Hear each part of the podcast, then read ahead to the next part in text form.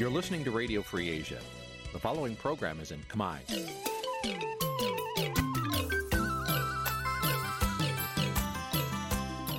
នេះជាកម្មវិធីផ្សាយ Vuthu Azizi Serai នេះជាកម្មវិធីផ្សាយរបស់ Vuthu Azizi Serai ជាភាសាខ្មែរ Vuthu Azizi Serai សូមស្វាគមន៍លោកអ្នកនាងទាំងអស់ពីរដ្ឋធានី Washington នៃសហរដ្ឋអាមេរិក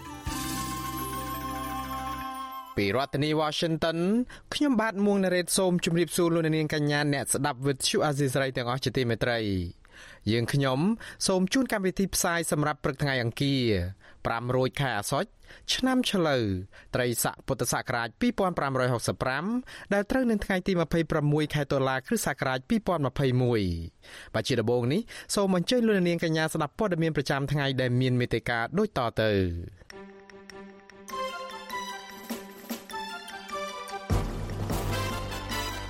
អ្នកខ្លាំមើលសង្គមថាអ្នកកាន់អំណាចព្យាយាមបន្សាបស្មារតីកិច្ចព្រមព្រៀងសន្តិភាពទីក្រុងប៉ារីដើម្បីបន្តក្រាញអំណាចទាំងបំពេញអាញាធរថៃបន្តចាប់ខ្លួនពលករខ្មែរជាច្រើនអ្នកដែលប្រថុយជីវិតឆ្លងដែនទៅរកការងារធ្វើនៅស្រុកថៃតំណាងរាស្ត្របកប្រឆាំងរិះគន់ថាតំណាងរាស្ត្របកកណ្ដាលអំណាចចេះតែលើកដៃស្របតាមគ្នាអនុម័តច្បាប់កំណត់សញ្ជាតិតែមួយ តួលេខអ្នកឆ្លងជំងឺ Covid-19 ថ្មីបន្តថយចុះតាំងតែពីអាជ្ញាធរបញ្ឈប់ការធ្វើតេស្តរហ័សរួមនឹងព័ត៌មានផ្សេងៗមួយចំនួនទៀតបច្ចុប្បន្នតទៅទៀតនេះខ្ញុំបាទមួងណារ៉េតសូមជូនព័ត៌មានទាំងនេះពឺស្ដា បាទលោកនាងជាទីមេត្រីអ្នកជំនាញខាងកិច្ចការបោះឆ្នោតអះអាងថាកិច្ចព្រមព្រៀងសន្តិភាពទីក្រុងប៉ារីនៅតែមានសុពលភាពជាអមតៈនិងតម្លៃជាអន្តរជាតិបើទោះបីជារបបឯកបកព្យាយាមបកស្រាយថាកិច្ចព្រមព្រៀងនេះបានស្លាប់បាត់ទៅហើយយ៉ាងណាក្តីបាទលោកទីនសាការីយ៉ាមានសេចក្តីរាយការណ៍ជំវិញព័ត៌មាននេះទីប្រឹក្សាអង្គការ Conference លកុលបញ្ញាលើកឡើងថារបបឯកបកនៅតែមិនព្រមអនុវត្តតាមកិច្ចព្រមព្រៀងសន្តិភាពទីក្រុងប៉ារីសឲ្យបានពេញលេញនោះ ដោយសារតែរបបលោកហ៊ុនសែនខ្លាចបាត់បង់អំណាចលោកគុលបញ្ញាបន្ថែមថាលោកនាយរដ្ឋមន្ត្រីហ៊ុនសែននិងមន្ត្រីហាហោមរបស់លោកព្យាយាមបកស្រាយថាកិច្ចព្រមព្រៀងសន្តិភាពទីក្រុងប៉ារីសបានស្លាប់ទៅហើយក្តីក៏សហគមន៍អន្តរជាតិនៅតែចាត់ទុកថាកិច្ចព្រមព្រៀងនេះនៅមានសុពលភាពនិងមានតម្លៃជាប្រវត្តិសាស្ត្រលោកបញ្ជាក់ថាកិច្ចព្រមព្រៀងសន្តិភាពទីក្រុងប៉ារីសគឺជាច្បាប់អន្តរជាតិដែលមិនអាចនិរាកោបានឡើយទីក្រុងប៉ារីសនេះយើងប្រជាប្រដ្ឋកម្ពុជាណារដ្ឋាភិបាល ទៅមុខអីទៀតនៅតែប្រើប្រាស់សម្រាប់រំលឹកទៅសហគមន៍អន្តរជាតិនៅពេលណាដែលយើងមានជួបបញ្ហារឿងបូរណភាពទឹកដីធ្វើឲ្យយើងបាត់បែកបាត់បាក់បាត់បាក់ឯកភាពជាតិរបស់យើងធ្វើឲ្យយើងបាត់ឯករាជ្យភាពអព្យាក្រឹតយើងអាចរំលឹកទៅសហគមន៍អន្តរជាតិនោះឲ្យគេមកមកគោរពយើងវិញហើយឲ្យមិត្តភ័ក្តិដែលយើងដែលគេគ្រប់គ្រងនៅក្នុងកិច្ចព្រមព្រៀងទីកុំប៉ារីនេះគេជួយយើងណាទៅទៅនៅប្រទេសនានាដែលមានការបំពេញពៀនអញ្ចឹងមាន គឺថាយើងវិញទេដែលយើងគឺថាយើងមានប្រាស់ប្រាស់នៃកិច្ចព្រមព្រៀងទីកុំប៉ារីនេះសម្រាប់ជាជាឧបករណ៍ដើម្បីឲ្យប្រទេសកម្ពុជាយើងដើរដើរឆ្ពោះទៅផ្លូវត្រូវហើយខ្ញុំគិតថានេះជាឱកាសហើយហើយហើយប្រទេសកម្ពុជាយើងវាគួរតែយកឱកាសណារឿងអភិជាក្រិតរឿងប្រជាធិបតេយ្យវាគួរតែនាំពិនិត្យមើលទៅណាលទ្ធភាពប្រទេសយើងអាចកសាងដោយប្រទេសស្វីសណាថ្ងៃទី23ដុល្លារឆ្នាំ2021នេះជាខួប30ឆ្នាំនៃកិច្ចព្រមព្រៀងសន្តិភាពទីក្រុងប៉ារីសរយៈពេល30ឆ្នាំមកនេះ របបឯកបកដែលដឹកនាំដោយលោកហ៊ុនសែនមិនបានអនុវត្តកិច្ចព្រមព្រៀងនេះឲ្យបានពេញលេញនៅឡើយទេពិសេសក្នុងស្ថានភាពបច្ចុប្បន្នដែលរបបឯកបកបានបំផ្លាញប្រជាធិបតេយ្យនិងរំលោភសិទ្ធិមនុស្សធ្ងន់ធ្ងរក្នុងឱកាសរំលឹកខួប30ឆ្នាំនៃកិច្ចព្រមព្រៀងសន្តិភាពទីក្រុងប៉ារីសបរតខ្មែរនៅក្រៅប្រទេសរួមមាននៅប្រទេសបារាំងកាណាដានិងសហរដ្ឋអាមេរិកជាដើមបានធ្វើបាតកម្មទាមទារឲ្យរបបលហ៊ុនសែនគ្រប់កិច្ចព្រមព្រៀងសន្តិភាពនេះឲ្យបានពេញលេញវិញ What do we want? Democracy. Democracy. Free, free, free Cambodia. Cambodia. Cambodia, Cambodia must be free. Freedom, justice, democracy. Freedom, justice, democracy. Cambodia, Cambodia must be free. បងប្អូនខ្មែរនៅនៅក្នុងពិភពលោកហើយជាឆ្ងល់តែចុះភាសាខាងម៉េចយើងចង់បានអីនៅក្នុងស្រុកខ្មែរបងប្អូនសេរីភាព សូមឲ្យប្រទេសខ្មែរយើងមានសេរីភាពរហូតទៅនៅស្របពេលប្រជាពលរដ្ឋនិយមប្រជាធិបតេយ្យអង្គការសង្គមស៊ីវិលជាតិអន្តរជាតិរួមទាំងគណៈបកប្រឆាំងផង នៅតែឲ្យតម្លៃកិច្ចព្រមព្រៀងសន្តិភាពនៅក្នុងប៉ារីសនេះប៉ុន្តែរបបក្រុងភ្នំពេញបានព្យាយាមពន្យល់ថាកិច្ចព្រមព្រៀងនេះអស់សុពលភាពទៅហើយក្រោយពីសភាធម្មនុញ្ញបានបង្កើតរដ្ឋធម្មនុញ្ញដាក់ឲ្យប្រើប្រាស់នាពេលបច្ចុប្បន្នបន្ថែមពីនេះ លោកនាយរដ្ឋមន្ត្រីហ៊ុនសែនធ្លាប់អះអាងថាកិច្ចព្រមព្រៀងនេះបានស្លាប់ទៅហើយបើគោរពប៉ារីសទៅដោះលែងខៀវសំផនត្រឡប់មកវិញហើយលុបចោលអាតឡាការគាត់ចោលរឿងវាបានឈានមកដល់រដ្ឋធម្មនុញ្ញដែលត្រូវអនុវត្តពុំមានអន្តៈណាទៀតហើយបើសិនជាត្រូវអនុវត្តកិច្ចព្រមព្រៀងប៉ារីកម្ពុជាមិនត្រូវមានព្រះបបរតត្រូវមានមហាក្សត្រទេត្រូវមានក្រមប្រឹក្សាជាតិជាន់ខ្ពស់ហើយព្រះមហាក្សត្រយើងគឺត្រឹមតែជាប្រធានក្រមប្រឹក្សាជាតិជាន់ខ្ពស់ទេ ហើយអ្នកដែលមានសិទ្ធិសម្រេចចុងក្រោយគឺនៅលើប្រធានអ៊ុនតាក់ឯណោះរឿងហ្នឹងហើយដែលខ្ញុំមិនព្រមហើយខ្ញុំទៅទៅជាកនៅលើជួរនៅក្នុងក្រមប្រឹក្សាសន្តិសុខអង្គការសហប្រជាជាតិរបស់ឆ្លើយតបនឹងបញ្ហានេះលោកគុលបញ្ញាបានហៅការអះអាងរបស់លោកហ៊ុនសែនគ្រាន់តែជារឿងនយោបាយតែប៉ុណ្ណោះលោកបញ្ជាក់ពីមូលហេតុដែលលោកហ៊ុនសែនមិនចង់អនុវត្តតាមកិច្ចព្រមព្រៀងសន្តិភាពទីក្រុងប៉ារីសគឺដោយសារតែលោកហ៊ុនសែនខ្លាចការបើកលំហសិទ្ធិសេរីភាពជូនប្រជាពលរដ្ឋ និងការបោះឆ្នោតដោយសេរីនិងយុត្តិធម៌នោះធ្វើឲ្យលោកធ្លាក់ពីអំណាចតែប៉ុណ្ណោះបាទ93ហ្នឹងវាជាជាតេស្តពិសោធន៍ដែរណានៅពេលដែលមានការប្រគល់ប្រជែងការបោះឆ្នោតមួយមានមានសហគមន៍អង្គការសហជាតិមករៀបចំអីឯករាជ្យឃើញឃើញធ្វើឲ្យ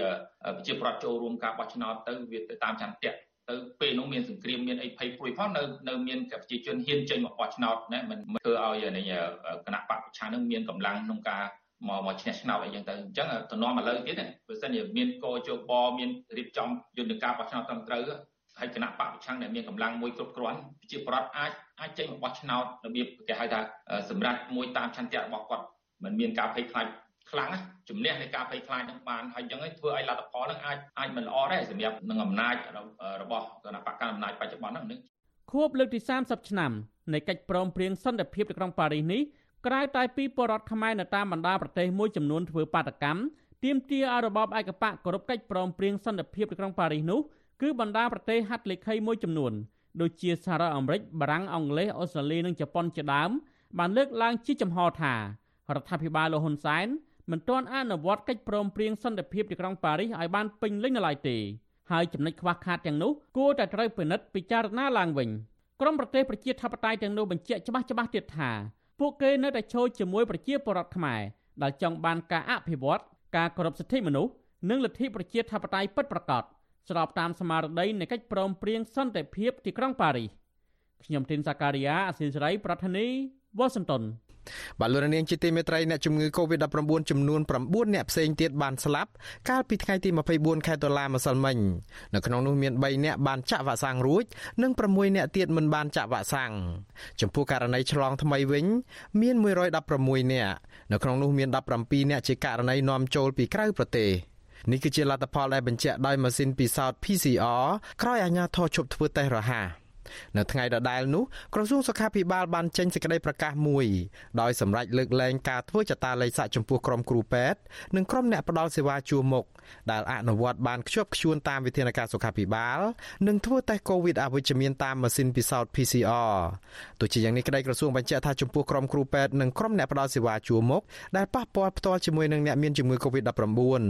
និងដែលមិនបានអនុវត្តត្រឹមត្រូវតាមវិធានការសុខាភិបាលត្រូវធ្វើចតាល័យស័ករយៈពេល7ថ្ងៃនៅផ្ទះឬក៏នៅតាមទីតាំងដែលបានកំណត់ទុកគិតមកត្រឹមព្រឹកថ្ងៃទី25ដុល្លារម្សិលមិញកម្ពុជាមានអ្នកកើតជំងឺ Covid-19 ជាង117,000នាក់នៅក្នុងនោះអ្នកជាសះស្បើយមានជាង113,000នាក់ចំណែកឯករណីស្លាប់វិញក្រសួងអះអាងថាបានកើនឡើងដល់2743នាក់បលូនអ្នកស្ដាប់ជាទីមេត្រីប្រជាពលករខ្មែរជាច្រើនអ្នកនៅតែប្រថុយជីវិតឆ្លងដែនទៅរកការងារធ្វើនៅប្រទេសថៃដោយខុសច្បាប់ តើមូលហេតុអ្វីដែលពួកគាត់ត្រូវប្រថុយប្រឋានទាំងគ្រោះថ្នាក់បែបនេះតើរដ្ឋាភិបាលត្រូវធ្វើយ៉ាងដូចម្តេចខ្លះដើម្បីដោះស្រាយបញ្ហានេះបាទសូមលោកនាងរងចាំស្ដាប់សេចក្តីរាយការណ៍លម្អិតជំរឿងនេះនៅក្នុងការផ្សាយរបស់យើងនាពេលបន្តិចទៀតនេះបាទសូមអរគុណ បាទលោកនាងជាទីមេត្រីងាកមកព័ត៌មានអំពីដំណើរការក្តីលើសកម្មជនសង្គមឯនោះទៅវិញសាលាធររាជធានីភ្នំពេញក្រុងប្រកាសសាលដីកាសំណុំរឿងលោករងឈុននិងសកម្មជនពីររូបទៀតទៅថ្ងៃទី12ខែវិច្ឆិកាខាងមុខនេះបន្ទាប់ពីបើកសវនាការសួរដេញដោលលើបណ្ដឹងឧទ្ធរនៅល្ងាចថ្ងៃទី25ខែតុលាសាច់ញាតិនិងមន្ត្រីអង្គការសង្គមស៊ីវិលសង្ឃឹមថាតុលាការជាន់ខ្ពស់មួយនេះ និងទម្លាក់ចោលការចោទប្រកាន់និងដោះលែងពួកគាត់ឲ្យមានសេរីភាពឡើងវិញព្រោះសកម្មភាពពួកគាត់កន្លងមក គឺជាការបញ្ចេញមតិនិងការជួបជុំដោយសន្តិវិធី ដែលធានាដោយច្បាប់ប្រធានក្រុមប្រឹក្សាជំនុំជម្រះសាលាធរភ្នំពេញគ្រងប្រកាសសាលដីកាសំណុំរឿងមេសហជីពនិងអ្នកឃ្លាំមើលព្រំដែនលោករងឈុននិងសកម្មជនពីរនាក់ទៀតគឺកញ្ញាសកនិកានិងលោកតុននិមលទៅថ្ងៃទី12ខែវិច្ឆិកាខាងមុខ ប្រធានសមាគមគ្រូបង្រៀនកម្ពុជាឯករាជ្យអ្នកស្រីអុកឆាយាវីប្រាប់វិទ្យុអាស៊ីសេរីក្រោយចូលស្ដាប់សវនាការនោះថានៅក្នុងអង្គសវនាការសាលាធរនោះតឡាការបានសួរដេញដោលច្រើនជាងនៅសាលាដំបងរាជធានីភ្នំពេញក៏ប៉ុន្តែអ្នកស្រីសោកស្ដាយចំពោះប្រធានក្រុមប្រឹក្សាជំនុំជម្រះដែលមិនអនុញ្ញាតឲ្យលោករងឈុនបញ្ចេញមតិនៅក្នុងសវនាការនោះសោះ អ្នកស្រីនៅតែយល់ថាលោករងឈុនមិនបានប្រព្រឹត្តបទល្មើសដោយការចោទប្រកាន់របស់អាជ្ញាធរនិងតុលាការកន្លងមកនោះឡើយព្រោះសកម្មភាពរបស់លោករងឈុននេះពេលកន្លងទៅគឺដើម្បីការពារប្រយោជន៍ប្រជាពលរដ្ឋនិងសង្គមដោយអនុវត្តសិទ្ធិសេរីភាពស្របទៅតាមច្បាប់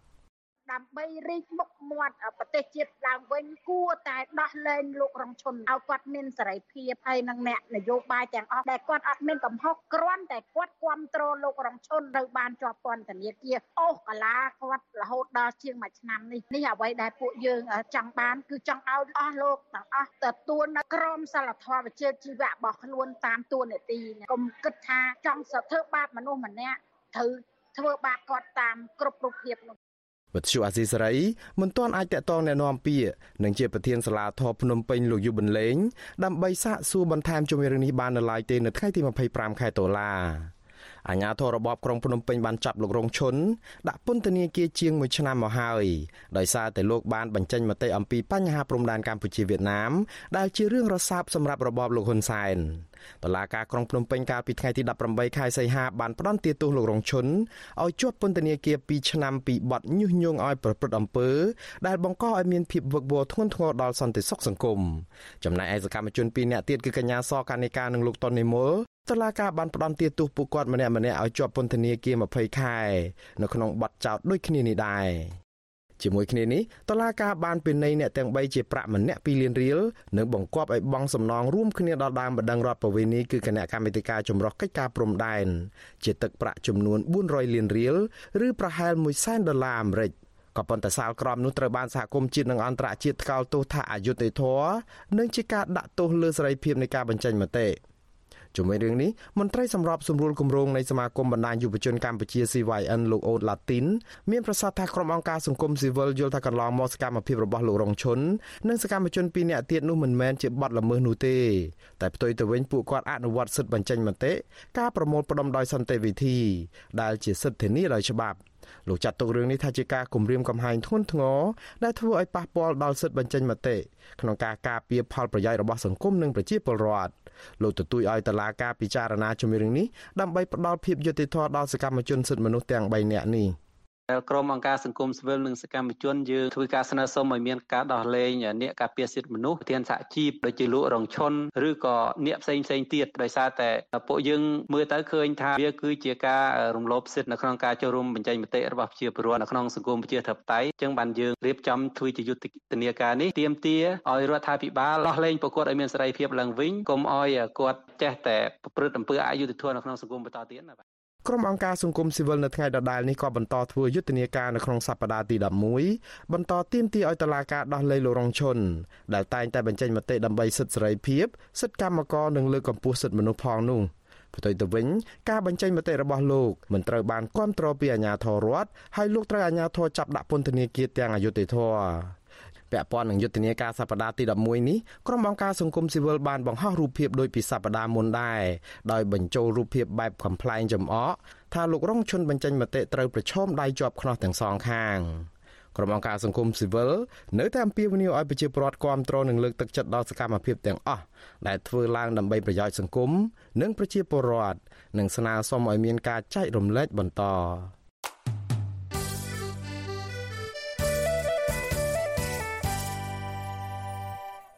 បាទលោកនាងជាទីមេត្រីតំណាងរាជបកប្រឆាំងរិះគន់ថារដ្ឋសភាឯកបកកែរដ្ឋធម្មនុញ្ញដោយឥតប្រយោជន៍ព្រោះមិនហ៊ានជំទាស់ចិត្តលោកហ៊ុនសែនអ្នកវិភាគបារម្ភថាការកែច្បាប់នៅក្នុងរូបភាពសងសឹកគ្នានេះនឹងបណ្ដាលឲ្យជាតិកាន់តែបែកបាក់ បាទលោកទីនសាក្រយាមានសេចក្តីរាយការណ៍ដាច់ដライមួយផ្សេងទៀតជុំវិញព័ត៌មាននេះបើទោះបីជាការការរដ្ឋធម្មនុញ្ញកំណត់សញ្ជាតិមេដឹកនាំអាចប្រព្រឹត្តទៅយ៉ាងរលូនយ៉ាងណាក៏ដោយក៏ក្រុមអ្នករិះគន់មើលឃើញថា វាមិនអាចคล้ายជាច្បាប់ល្អ និងមានផលប្រយោជន៍សម្រាប់ជាតិនោះឡើយតំណាងរាស្ត្ររដ្ឋសភាជាប់ឆ្នោតរបស់គណៈបកសង្គ្រោះជាតិដែលកំពុងតែរស់នៅប្រទេសអូស្ត្រាលីលោកងឹមញែងមិនគាំទ្រវិសោធនកម្មរដ្ឋធម្មនុញ្ញនេះទេលោកថាការកែប្រែច្បាប់ដែលធ្វើឲ្យខាត់បងដល់ប្រយោជន៍ជាតិបែបនេះជាការបង្កើតភាពអាម៉ាស់ សម្រាប់សភាឯកបៈក្នុងរបបលហ៊ុនសែនតបញ្ជាក់ឃើញថាស្ថាប័នរដ្ឋសភាដែលកើតចេញពីការបោះឆ្នោតខ្លាំងៗហ្នឹងគឺជាការបានទិញម៉ងធ្វើតាមតែអ្វីដែលជនប្រជាការបញ្ជាមិនមែនធ្វើតាមឆន្ទៈរបស់ប្រជាពលរដ្ឋធ្វើតាមឆន្ទៈរបស់តំណាងរាស្ត្រដែលតំណាងឲ្យជាតិនោះទេគឺធ្វើតាមតែឆន្ទៈរបស់ជនប្រជាការក្រុមតំណាងរាស្ត្ររដ្ឋសភាឯកបៈជាង100នាក់រួមទាំងលោកនាយរដ្ឋមន្ត្រីហ៊ុនសែនផង នៅថ្ងៃទី25ដុល្លារបានអនុម័តគាំទ្រសេចក្តីព្រេងច្បាប់ស្តីពីវិសោធនកម្មរដ្ឋធម្មនុញ្ញមាត្រា19ថ្មីមាត្រា82ថ្មីមាត្រា106ថ្មីមាត្រា119ថ្មីមាត្រា137ថ្មីនិងច្បាប់ស្តីពីធម្មនុញ្ញបន្ថែមសម្ដៅដល់ការធានានៅដំណើរការជាប្រកដីនៃស្ថាប័នជាតិត្រង់មាត្រា3និងមាត្រា4 ដើម្បីកំណត់ឲ្យអ្នកកាន់តំណែងជានាយករដ្ឋមន្ត្រីប្រធានរដ្ឋសភា ប្រធានប្រសិទ្ធិនិងប្រធានក្រុមរក្សាធម្មនុញ្ញមានសញ្ជាតិខ្មែរតែមួយគត់គេហទំព័ររដ្ឋសភាចុះផ្សាយថាការធ្វើវិសោធនកម្មលើកនេះដើម្បីធានានឹងការឯករាជ្យជាតិអធិបតេយ្យបូរណភាពទឹកដី ផលប្រយោជន៍ជាតិនិងប្រឆាំងរាល់ការជឿជ្រែកពីបរទេសចូលក្នុងកិច្ចការផ្ទៃក្នុងរបស់ជាតិទោះបីជាយ៉ាងនេះក្តីបំណងពិតប្រកបតែមួយគត់នៃច្បាប់នេះគឺលោកហ៊ុនសែនធ្លាប់បញ្ជាក់ថា លោកចង់បាត់ផ្លូវមេដឹកនាំគណៈបកប្រឆាំងលោកសំរងស៊ីមិនឲ្យមានឱកាសបានធ្វើជានាយករដ្ឋមន្ត្រីរីឯលោកសំរងស៊ីវិញប្រកាសថាការធ្វើបែបនេះមិនអាចរារាំងលោកបានទេព្រោះលោកនឹងលាសញ្ជាតិបារាំងបើសិនជាដល់ពេលវេលាចាំបាច់ជុំវិញនឹងការអនុម័តសេចក្តីព្រាងវិសោធនកម្មរដ្ឋធម្មនុញ្ញនិងធម្មនុញ្ញបន្ថែមនេះវិទ្យុអស៊ីសេរីមិនអាចសុំការបញ្ជាក់បន្ថែមពីអ្នកនាំពាក្យរដ្ឋសភាលោកលេងប៉ៃឡុងដើម្បីសុំការបញ្ជាក់បន្ថែមពីរឿងនេះបានទេនៅថ្ងៃទី25ដុល្លារ រដ្ឋសភាក៏មិនទាន់បានប្រកាសថានឹងបញ្ជូនវិសោធនកម្មច្បាប់នេះទៅព្រឹទ្ធសភាបន្តនៅពេលណាដែរតែយ៉ាងណាស្ថាប័នក្រមរក្សាធម្មនុញ្ញបានទូលថ្វាយព្រះមហាក្សត្រថាការកំណត់សញ្ជាតិខ្មែរតែមួយក្នុងធម្មនុញ្ញគឺអាចធ្វើទៅបាន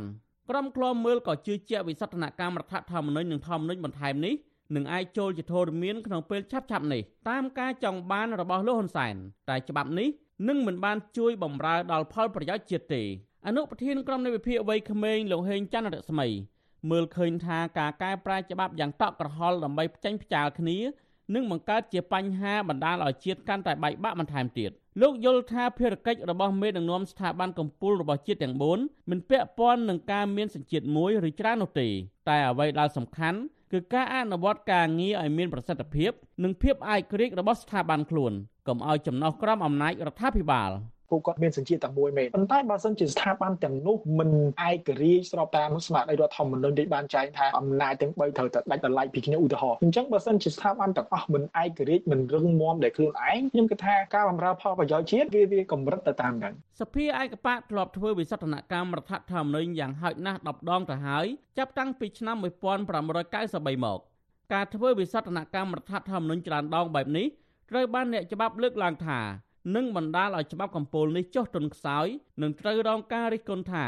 ជាឧបករណ៍នយោបាយសម្រាប់គណៈបកកណ្ដាលអំណាចជាជាងច្បាប់ដែលបំរើឲ្យផលប្រយោជន៍ប្រជាជាតិខ្មែរខ្ញុំទីនសាការីយ៉ាអសិសរីប្រធានីវ៉ាស៊ីនតោន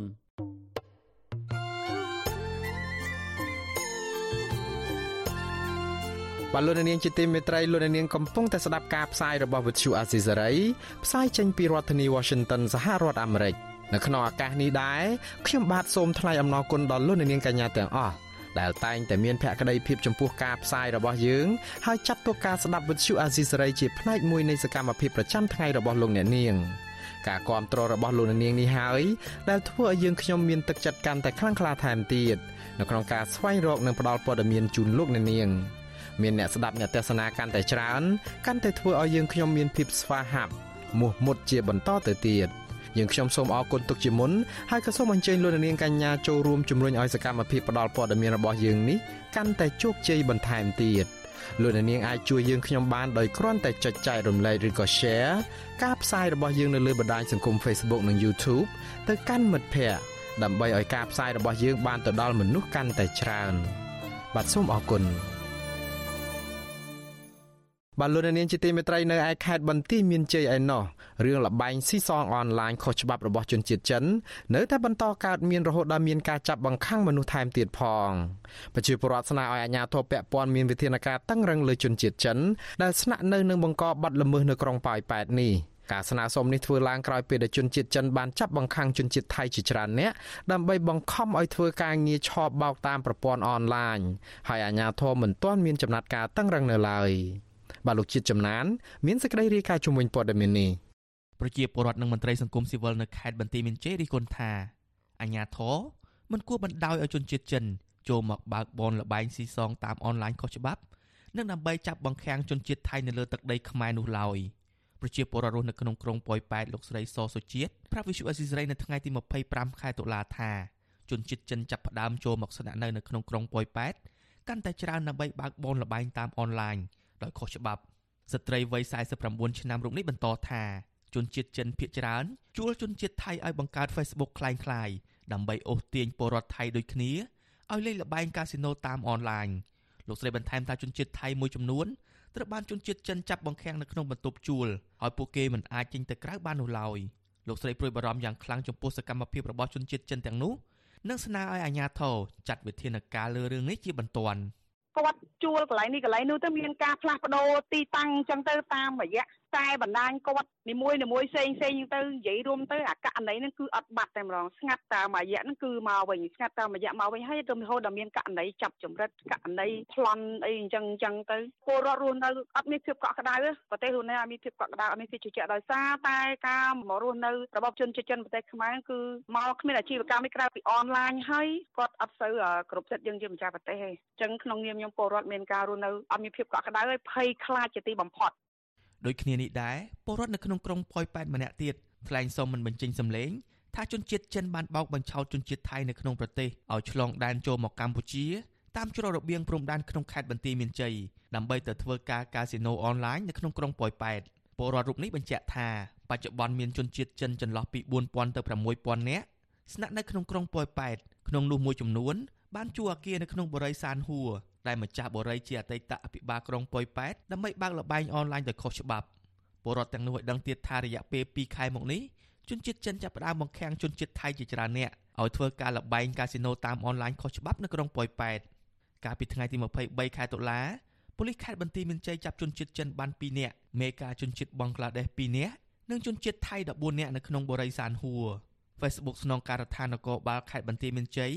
ចុះផ្សាយនៅថ្ងៃទី24ខែតុលាថា ជនជាតិបង់ក្លាដេសទាំងពីរនាក់ជាប់ពាក់ព័ន្ធនឹងការចាប់ពង្រត់នៅបង្ខាំងមនុស្សជាមួយនឹងជនជាតិចិននៅក្រុងប៉ោយប៉ែតប៉ូលីសបានបញ្ជូនជនបរទេសទាំង4នាក់ទៅសាលាដំបងខេត្តបន្ទាយមានជ័យដើម្បីចាត់វិធានការតាមច្បាប់ចំពោះជនជាតិថៃ14នាក់វិញត្រូវបានប៉ូលីសបញ្ជូនទៅធ្វើចតាឡេស័កនៅទីរួមខេត្តបន្ទាយមានជ័យដើម្បីត្រៀមបញ្ជូនត្រឡប់ទៅប្រទេសវិញតាក់ទងនឹងបញ្ហានេះស្នងការរងនគរបាលខេត្តបន្ទាយមានជ័យទទួលបន្ទុកជនអន្តោប្រវេសន៍លោកអេងលីហួរប្រាប់វិសុអេស៊ីសរ៉ៃថានៅក្រុងប៉ោយប៉ែត ពុំមានជនជាតិចិនបង្កជាបញ្ហាក្នុងសង្គមដែលគួរឲ្យព្រួយបារម្ភដូចជាការលើកឡើងរបស់ប្រជាពលរដ្ឋនោះទេលោកបញ្ជាក់ថាកន្លងមកអាជ្ញាធរតែងតែចោះបង្ក្រាបជនបរទេស នៅទីនោះជាប្រចាំវាមិនមែនជាការពិតទេបើសិនជាករណីមានចឹងមែនគឺ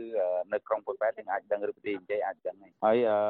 ការចូលរបស់គាត់ជាថាបុកចូលមកច្រើនចូលណាបើឥឡូវយើងមើលទៅមើលកន្លែងពលានហើយនឹងព្រំដែនមានចូលមកណាបើព្រំដែនយើងបិទមិនទាន់បានបើកវិញប៉ុណ្ណឹងហើយផ្លូវអាកាសក៏ទេចូលមកក៏អត់មានចំនួនណាចូលមកកំហុកដូចអ្វីដែលបានរាយការណ៍នោះវាអត់ត្រូវ ទោះជាយ៉ាងណាមន្ត្រីសម្របសម្រួលសមាគមសិទ្ធិមនុស្សអាត់6ខេត្តបន្ទាយមានជ័យលោកសុំច័ន្ទគៀសង្កេតឃើញថា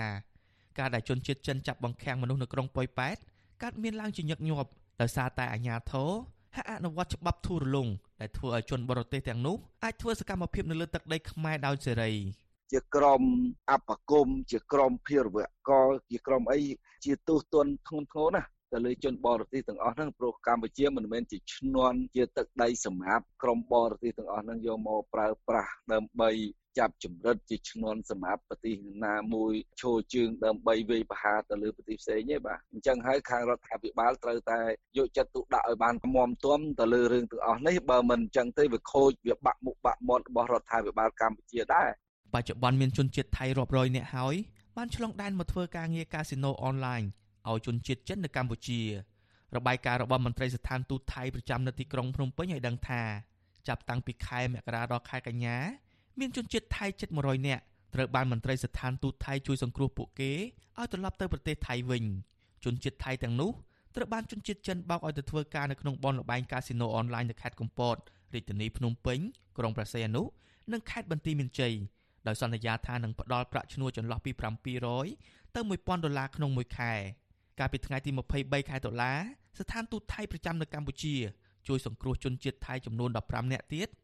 ដែលត្រូវបានជនជាតិចិនចាប់បង្ខាំងឲ្យធ្វើការតាមអនឡាញនៅខេត្តព្រះសីហនុនេះបើតាមការផ្សាយរបស់សារព័ត៌មានថៃប្រជាពលរដ្ឋនៅក្រុងប៉ោយប៉ែតជឿជាក់ថាប្រសិនបើប៉ូលីសខ្មែរនៅតែគ្មានវិធានការតឹងរឹងទៅលើជនជាតិចិនដោយសពថ្ងៃនោះទេនៅក្នុងក្រុងប៉ោយប៉ែតអាចនឹងក្លាយជាកន្លែងជនជាតិចិនប្រព្រឹត្តបទអក្រិតដែលបង្កហានិភ័យដល់ម្ចាស់ប្រទេសជាមិនខាន ខ្ញុំបាទជាចំណាន Visual Assisray ពីរដ្ឋធានី Washington បលូននាងជាទីមេត្រីប្រជាពលករខ្មែរជាច្រើនអ្នកនៅតែប្រថុយជីវិតឆ្លងដែនទៅរកការងារធ្វើនៅប្រទេសថៃដោយខុសច្បាប់ពលករអះអាងថាការឆ្លងដែនទាំងប្រថុយប្រឋាននេះគឺដោយសារតែពួកគាត់មានជីវភាពក្រីក្រ និងគ្មានការងារធ្វើនៅឯស្រុកកំណើត មន្ត្រីសង្គមស៊ីវិលយល់ថាពលករឆ្លងដែនអំឡុងពេលនេះអាចប្រឈមនឹងគ្រោះថ្នាក់ជាច្រើនដែលរដ្ឋាភិបាលគួរតែប្រញាប់ដោះស្រាយបាទលោកមានរិទ្ធមានសេចក្តីរាយការណ៍ជំវិញព័ត៌មាននេះអញ្ញាធរថៃចាប់ខ្លួនពលករខ្មែរជាច្រើនអ្នកក្នុងពេលដែលពួកគេលួចឆ្លងដែនចូលទៅធ្វើការងារនៅប្រទេសថៃដោយខុសច្បាប់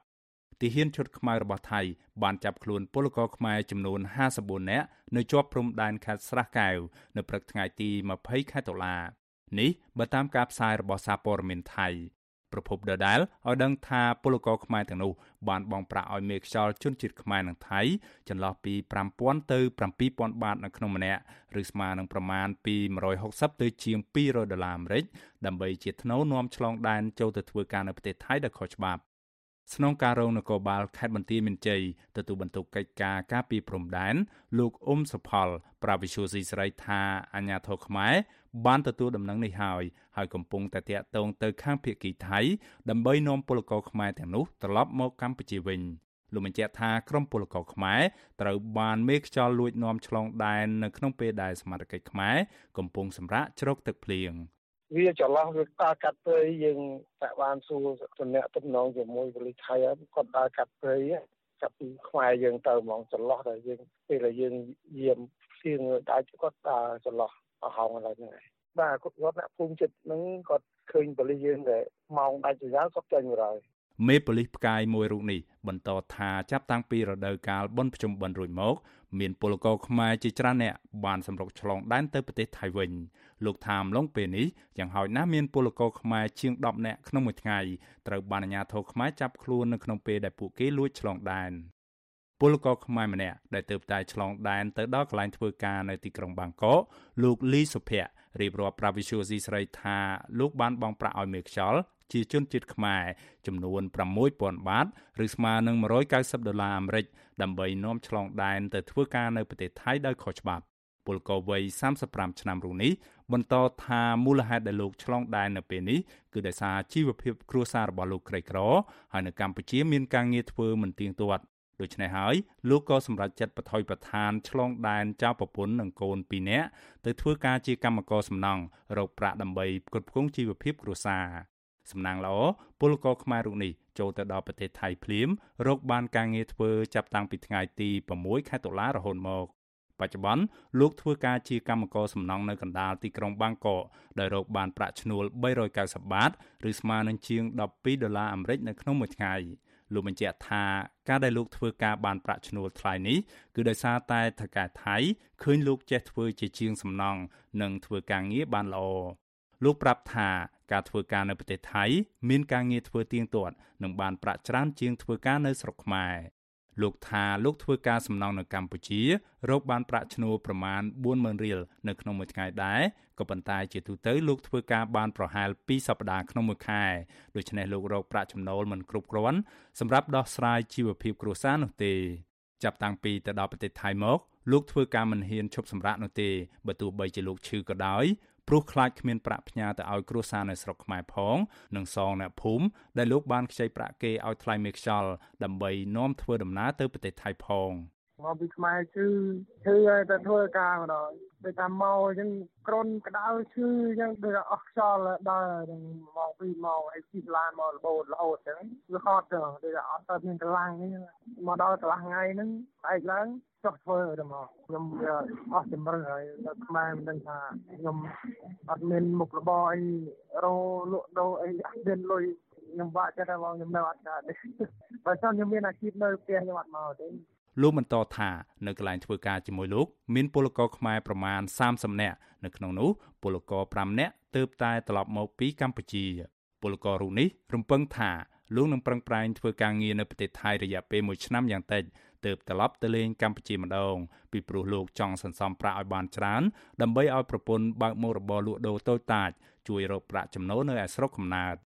ដែលឡែកប្រជាពលករនៅស្រុកអូជ្រៅខេត្តបន្ទាយមានជ័យលោកសូពិសិដ្ឋ ដែលទើបតែត្រឡប់ពីធ្វើការងារនៅប្រទេសថៃបានជាង2ខែវិញ ថ្លែងថាចាប់តាំងពីលោកមកដល់កម្ពុជា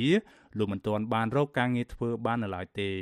កំឡោះចាស់វ័យ37ឆ្នាំរូបនេះថាសប្តាហ៍លោកដើរនេសាទត្រីតាមអូរនិងបឹងបួក្បែរផ្ទះយកទៅធ្វើម្ហូបដើម្បីកាត់បន្ថយការចំណាយនៅក្នុងគ្រួសារ លោកថាគ្រួសាររបស់លោកមានសមាជិកជិត20នាក់ក្នុងនោះកុមារអាយុក្រោម15ឆ្នាំ ជាង10នាក់ផងរស់នៅជុំគ្នាទាំងអស់គ្រួសារដ៏ធំនេះជំពាក់ប្រាក់ស្ថាប័នមីក្រូហិរញ្ញវត្ថុចំនួន30,000ដុល្លារអាមេរិកនៅមិនទាន់សងគេរួចនៅឡើយទេលោកបន្តថាដំបូងឡើយឪពុកម្ដាយរបស់លោកបានខ្ចីប្រាក់គេតែ8000ដុល្លារយកទៅការប្រពន្ធឲ្យប្អូនរបស់លោកនិងមួយចំនួនទៀតធ្វើជាដើមទុនចិញ្ចឹមជ្រូកកាលពី5ឆ្នាំមុន ក៏ប៉ុន្តែអាជីវកម្មនេះបានខាត់ឡងចុងដោយសារអំឡុងពេលនោះសាច់ជ្រូកចុះថោកហើយគ្មានអ្នកទិញក្រោយមក គ្រួសាររបស់លោកមួយចំនួនក៏បាននាំគ្នាទៅធ្វើការនៅប្រទេសថៃដើម្បីរកប្រាក់សងគេក៏ប៉ុន្តែរយៈពេល2ឆ្នាំចុងក្រោយមកនេះពួកលោករកប្រាក់មិនបានសងម្ចាស់បំណុលនោះទេដោយសារតែការរាតត្បាតនៃជំងឺ Covid-19 ពលរដ្ឋរស់នៅតំបន់ព្រំដែនរងនេះ ចង់វិលត្រឡប់ទៅប្រទេសថៃវិញនៅក្នុងពេលឆាប់ៗខាងមុខនេះដើម្បីជួយរកប្រាក់ឲ្យគ្រួសារដោះស្រាយជីវភាពនិងសងបំណុលគេ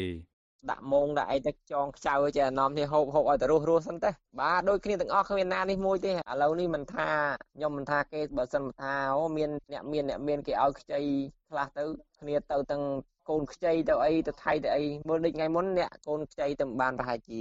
មិនដល់មួយឆ្នាំផង កូនខ្ចីនៅបើទៅដោះកូនអីទៅពីអ្នកប្តីប្រពន្ធដែលកាត់ដប់កាត់ចការដលងលិចផុកលិចអីដេកតាមចការដលងអូវេទនាបង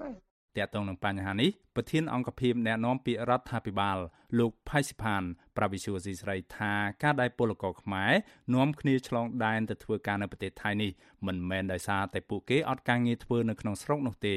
ក៏ប៉ុន្តែលោកថាគឺបណ្ដាលមកពីពួកគេភ្លើតភ្លើនចង់ទៅធ្វើការនៅក្រៅប្រទេសតាមគ្នា លោកផៃសិផានអំពាវនាវដល់ពលរដ្ឋទាំងអស់ដែលចង់ទៅធ្វើការនៅប្រទេសថៃត្រូវតាក់ទងទៅមន្ត្រីក្រសួងកាងារដែលនៅជិតផ្ទះរបស់ពួកគេដើម្បីជួយសម្រួលធ្វើឯកសារទៅធ្វើការដោយស្របច្បាប់ប្រសើរជាងការឆ្លងដែនតាមរយៈមេខ្យល់ដោយសពថ្ងៃនេះទីមួយគឺគេចង់ហ្មងពីព្រោះខ្ញុំសម្ភារផ្ទាល់ល្មាត់គេចាំទៅស្គាល់ដូចភាសាមួយគេថាសត្វគោសត្វអីវាជាសង្ឃឹមថានៅខាងនោះភ្នំស្មៅខ្ចីល្អ អានេះគឺជាចង់ទៅបងទីពីរដែលគេចាប់នឹងគឺស្រុកថៃសូមឲ្យយើងស្រាប់អត់កាត្បិតគេបិទព្រំដែនប៉ុន្តែគេអាចបិទព្រំដែនឆាប់ឆាប់នេះហើយខែ11ទេដូច្នេះអ្នកទៅនឹងគឺទៅតាមអ្នកនាំអ្នកមេខ្យល់នឹងនាំពីខុសច្បាប់យើងអនុវត្តច្បាប់ទេទោះជាយ៉ាងណាមន្ត្រីអង្គការសង្ត្រាល់ទទួលបន្ទុកផ្នែកពលករលោកឌីថេហូយ៉ា ក៏សម្គាល់ថាពលករខ្មែរឆ្លងដែនទៅធ្វើការនៅប្រទេសថៃទាំងនោះមិនមែនដោយសារតែពួកគាត់ភ្លើតភ្លើនចង់ទៅលេងសប្បាយនៅស្រុកគេនោះទេក៏ប៉ុន្តែលោកថាដោយសារតែពួកគាត់មានជីវភាពក្រីក្រនិងគ្មានការងារធ្វើនៅក្នុងស្រុកមន្ត្រីអង្គការសង្គមស៊ីវិលរូបនេះបន្តទៀតថាការឆ្លងដែននៅអំឡុងពេលនេះប្រឈមនឹងគ្រោះថ្នាក់ជាច្រើន ដូចជាអាចនឹងត្រូវអាជ្ញាធរថៃចាប់ខ្លួន ឆ្លងជំងឺ Covid-19 និងធ្វើដំណើរបថុយបឋាននៅក្នុងព្រៃយ៉ាងលំបាកលំបិនដែលប្រឈមនឹងទាហានថៃបាញ់ស្លាប់ជាដើមចឹងមានន័យថាការដឹកនាំហ្នឹងមិនយល់អំពីបញ្ហាពិតប្រាកដទេហើយកាលណាមិនយល់ពីបញ្ហាពិតប្រាកដគឺមិនដឹងអំពីដំណោះស្រាយដែលត្រូវដោះស្រាយទេហើយការលើកឡើងបែបហ្នឹងវាគ្រាន់តែជាការលើកឡើងដោះសារឲ្យខ្លួនឯងរួចខ្លួនហើយ ទៅតម្លាក់បន្ទុកដាក់កំហុសទៅលើអ្នកដែលរងគ្រោះចឹងទៅវិញខ្ញុំគិតថាវាមិនយុត្តិធម៌ទេហើយបើកាលណាប្រព័ន្ធដឹកនាំរដ្ឋពឹងផ្អែកទៅលើការដោះសារជាជាងការដោះស្រាយនឹងហើយអានឹងបន្ថែមបញ្ហាហើយចាប់តាំងពីការរាតត្បាតនៃជំងឺ Covid-19 ផ្ទុះឡើងខ្លាំងនៅប្រទេសថៃរួចមកមានពលករខ្មែរជាច្រើនអ្នកបាននាំគ្នាវិលត្រឡប់មកកម្ពុជាវិញដោយសារខ្លាចឆ្លងជំងឺ Covid-19 ហើយគ្មានគ្រូពេទ្យព្យាបាល របាយការណ៍របស់អង្គការអន្តរជាតិទេសន្តប្រវេសប្រចាំកម្ពុជា IOM បង្ហាញថាចាប់តាំងពីខែមីនាឆ្នាំ2020រហូតដល់ថ្ងៃទី8ខែកញ្ញាឆ្នាំ2021មានពលករខ្មែរជិត240,000នាក់បានវិលត្រឡប់ពីប្រទេសថៃក្នុងនោះនៅខែសីហាឆ្នាំ2021មានជាង14,000នាក់បានត្រឡប់ទៅកម្ពុជាវិញ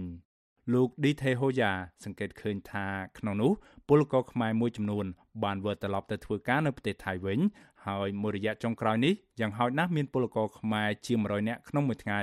បានឆ្លងដែនទៅប្រទេសថៃដោយខុសច្បាប់ មន្ត្រីអង្គការសង្គមស៊ីវិលរូបនេះថ្លែងថាដើម្បីដោះស្រាយបញ្ហានេះរដ្ឋាភិបាលគួរតែបង្កើនការដាំដុះរបស់កសិករជាពិសេសអ្នកដែលទើបត្រឡប់ពីប្រទេសថៃវិញឲ្យបានច្រើនហើយជួយរកទីផ្សារលក់កសិផលនៅក្នុងតម្លៃសមរម្យជូនដល់ប្រជាពលរដ្ឋលោកបន្ថែមថាលើសពីនេះទៀតអាជ្ញាធរតាមព្រំដែនត្រូវតែរឹតបន្តឹងការនាំចូលបន្លែបង្ការពីប្រទេសជិតខាង ដើម្បីធានាដល់តម្លៃផលិតផលនៅក្នុងស្រុកលោកជឿជាក់ថា ប្រសិនបរដ្ឋាភិបាលមិនបានដោះស្រាយបញ្ហានេះទេនោះពលរដ្ឋនឹងបន្តធ្វើចំណាក់ស្រុកទៅរកការងារធ្វើចិញ្ចឹមជីវិត និងរកប្រាក់សងបំណុលធនាគារកាន់តែច្រើនឡើងជាក់ជាមិនខានខ្ញុំបាទមេរិត Visual C ស្រីរាយការណ៍ពីរដ្ឋធានី Washington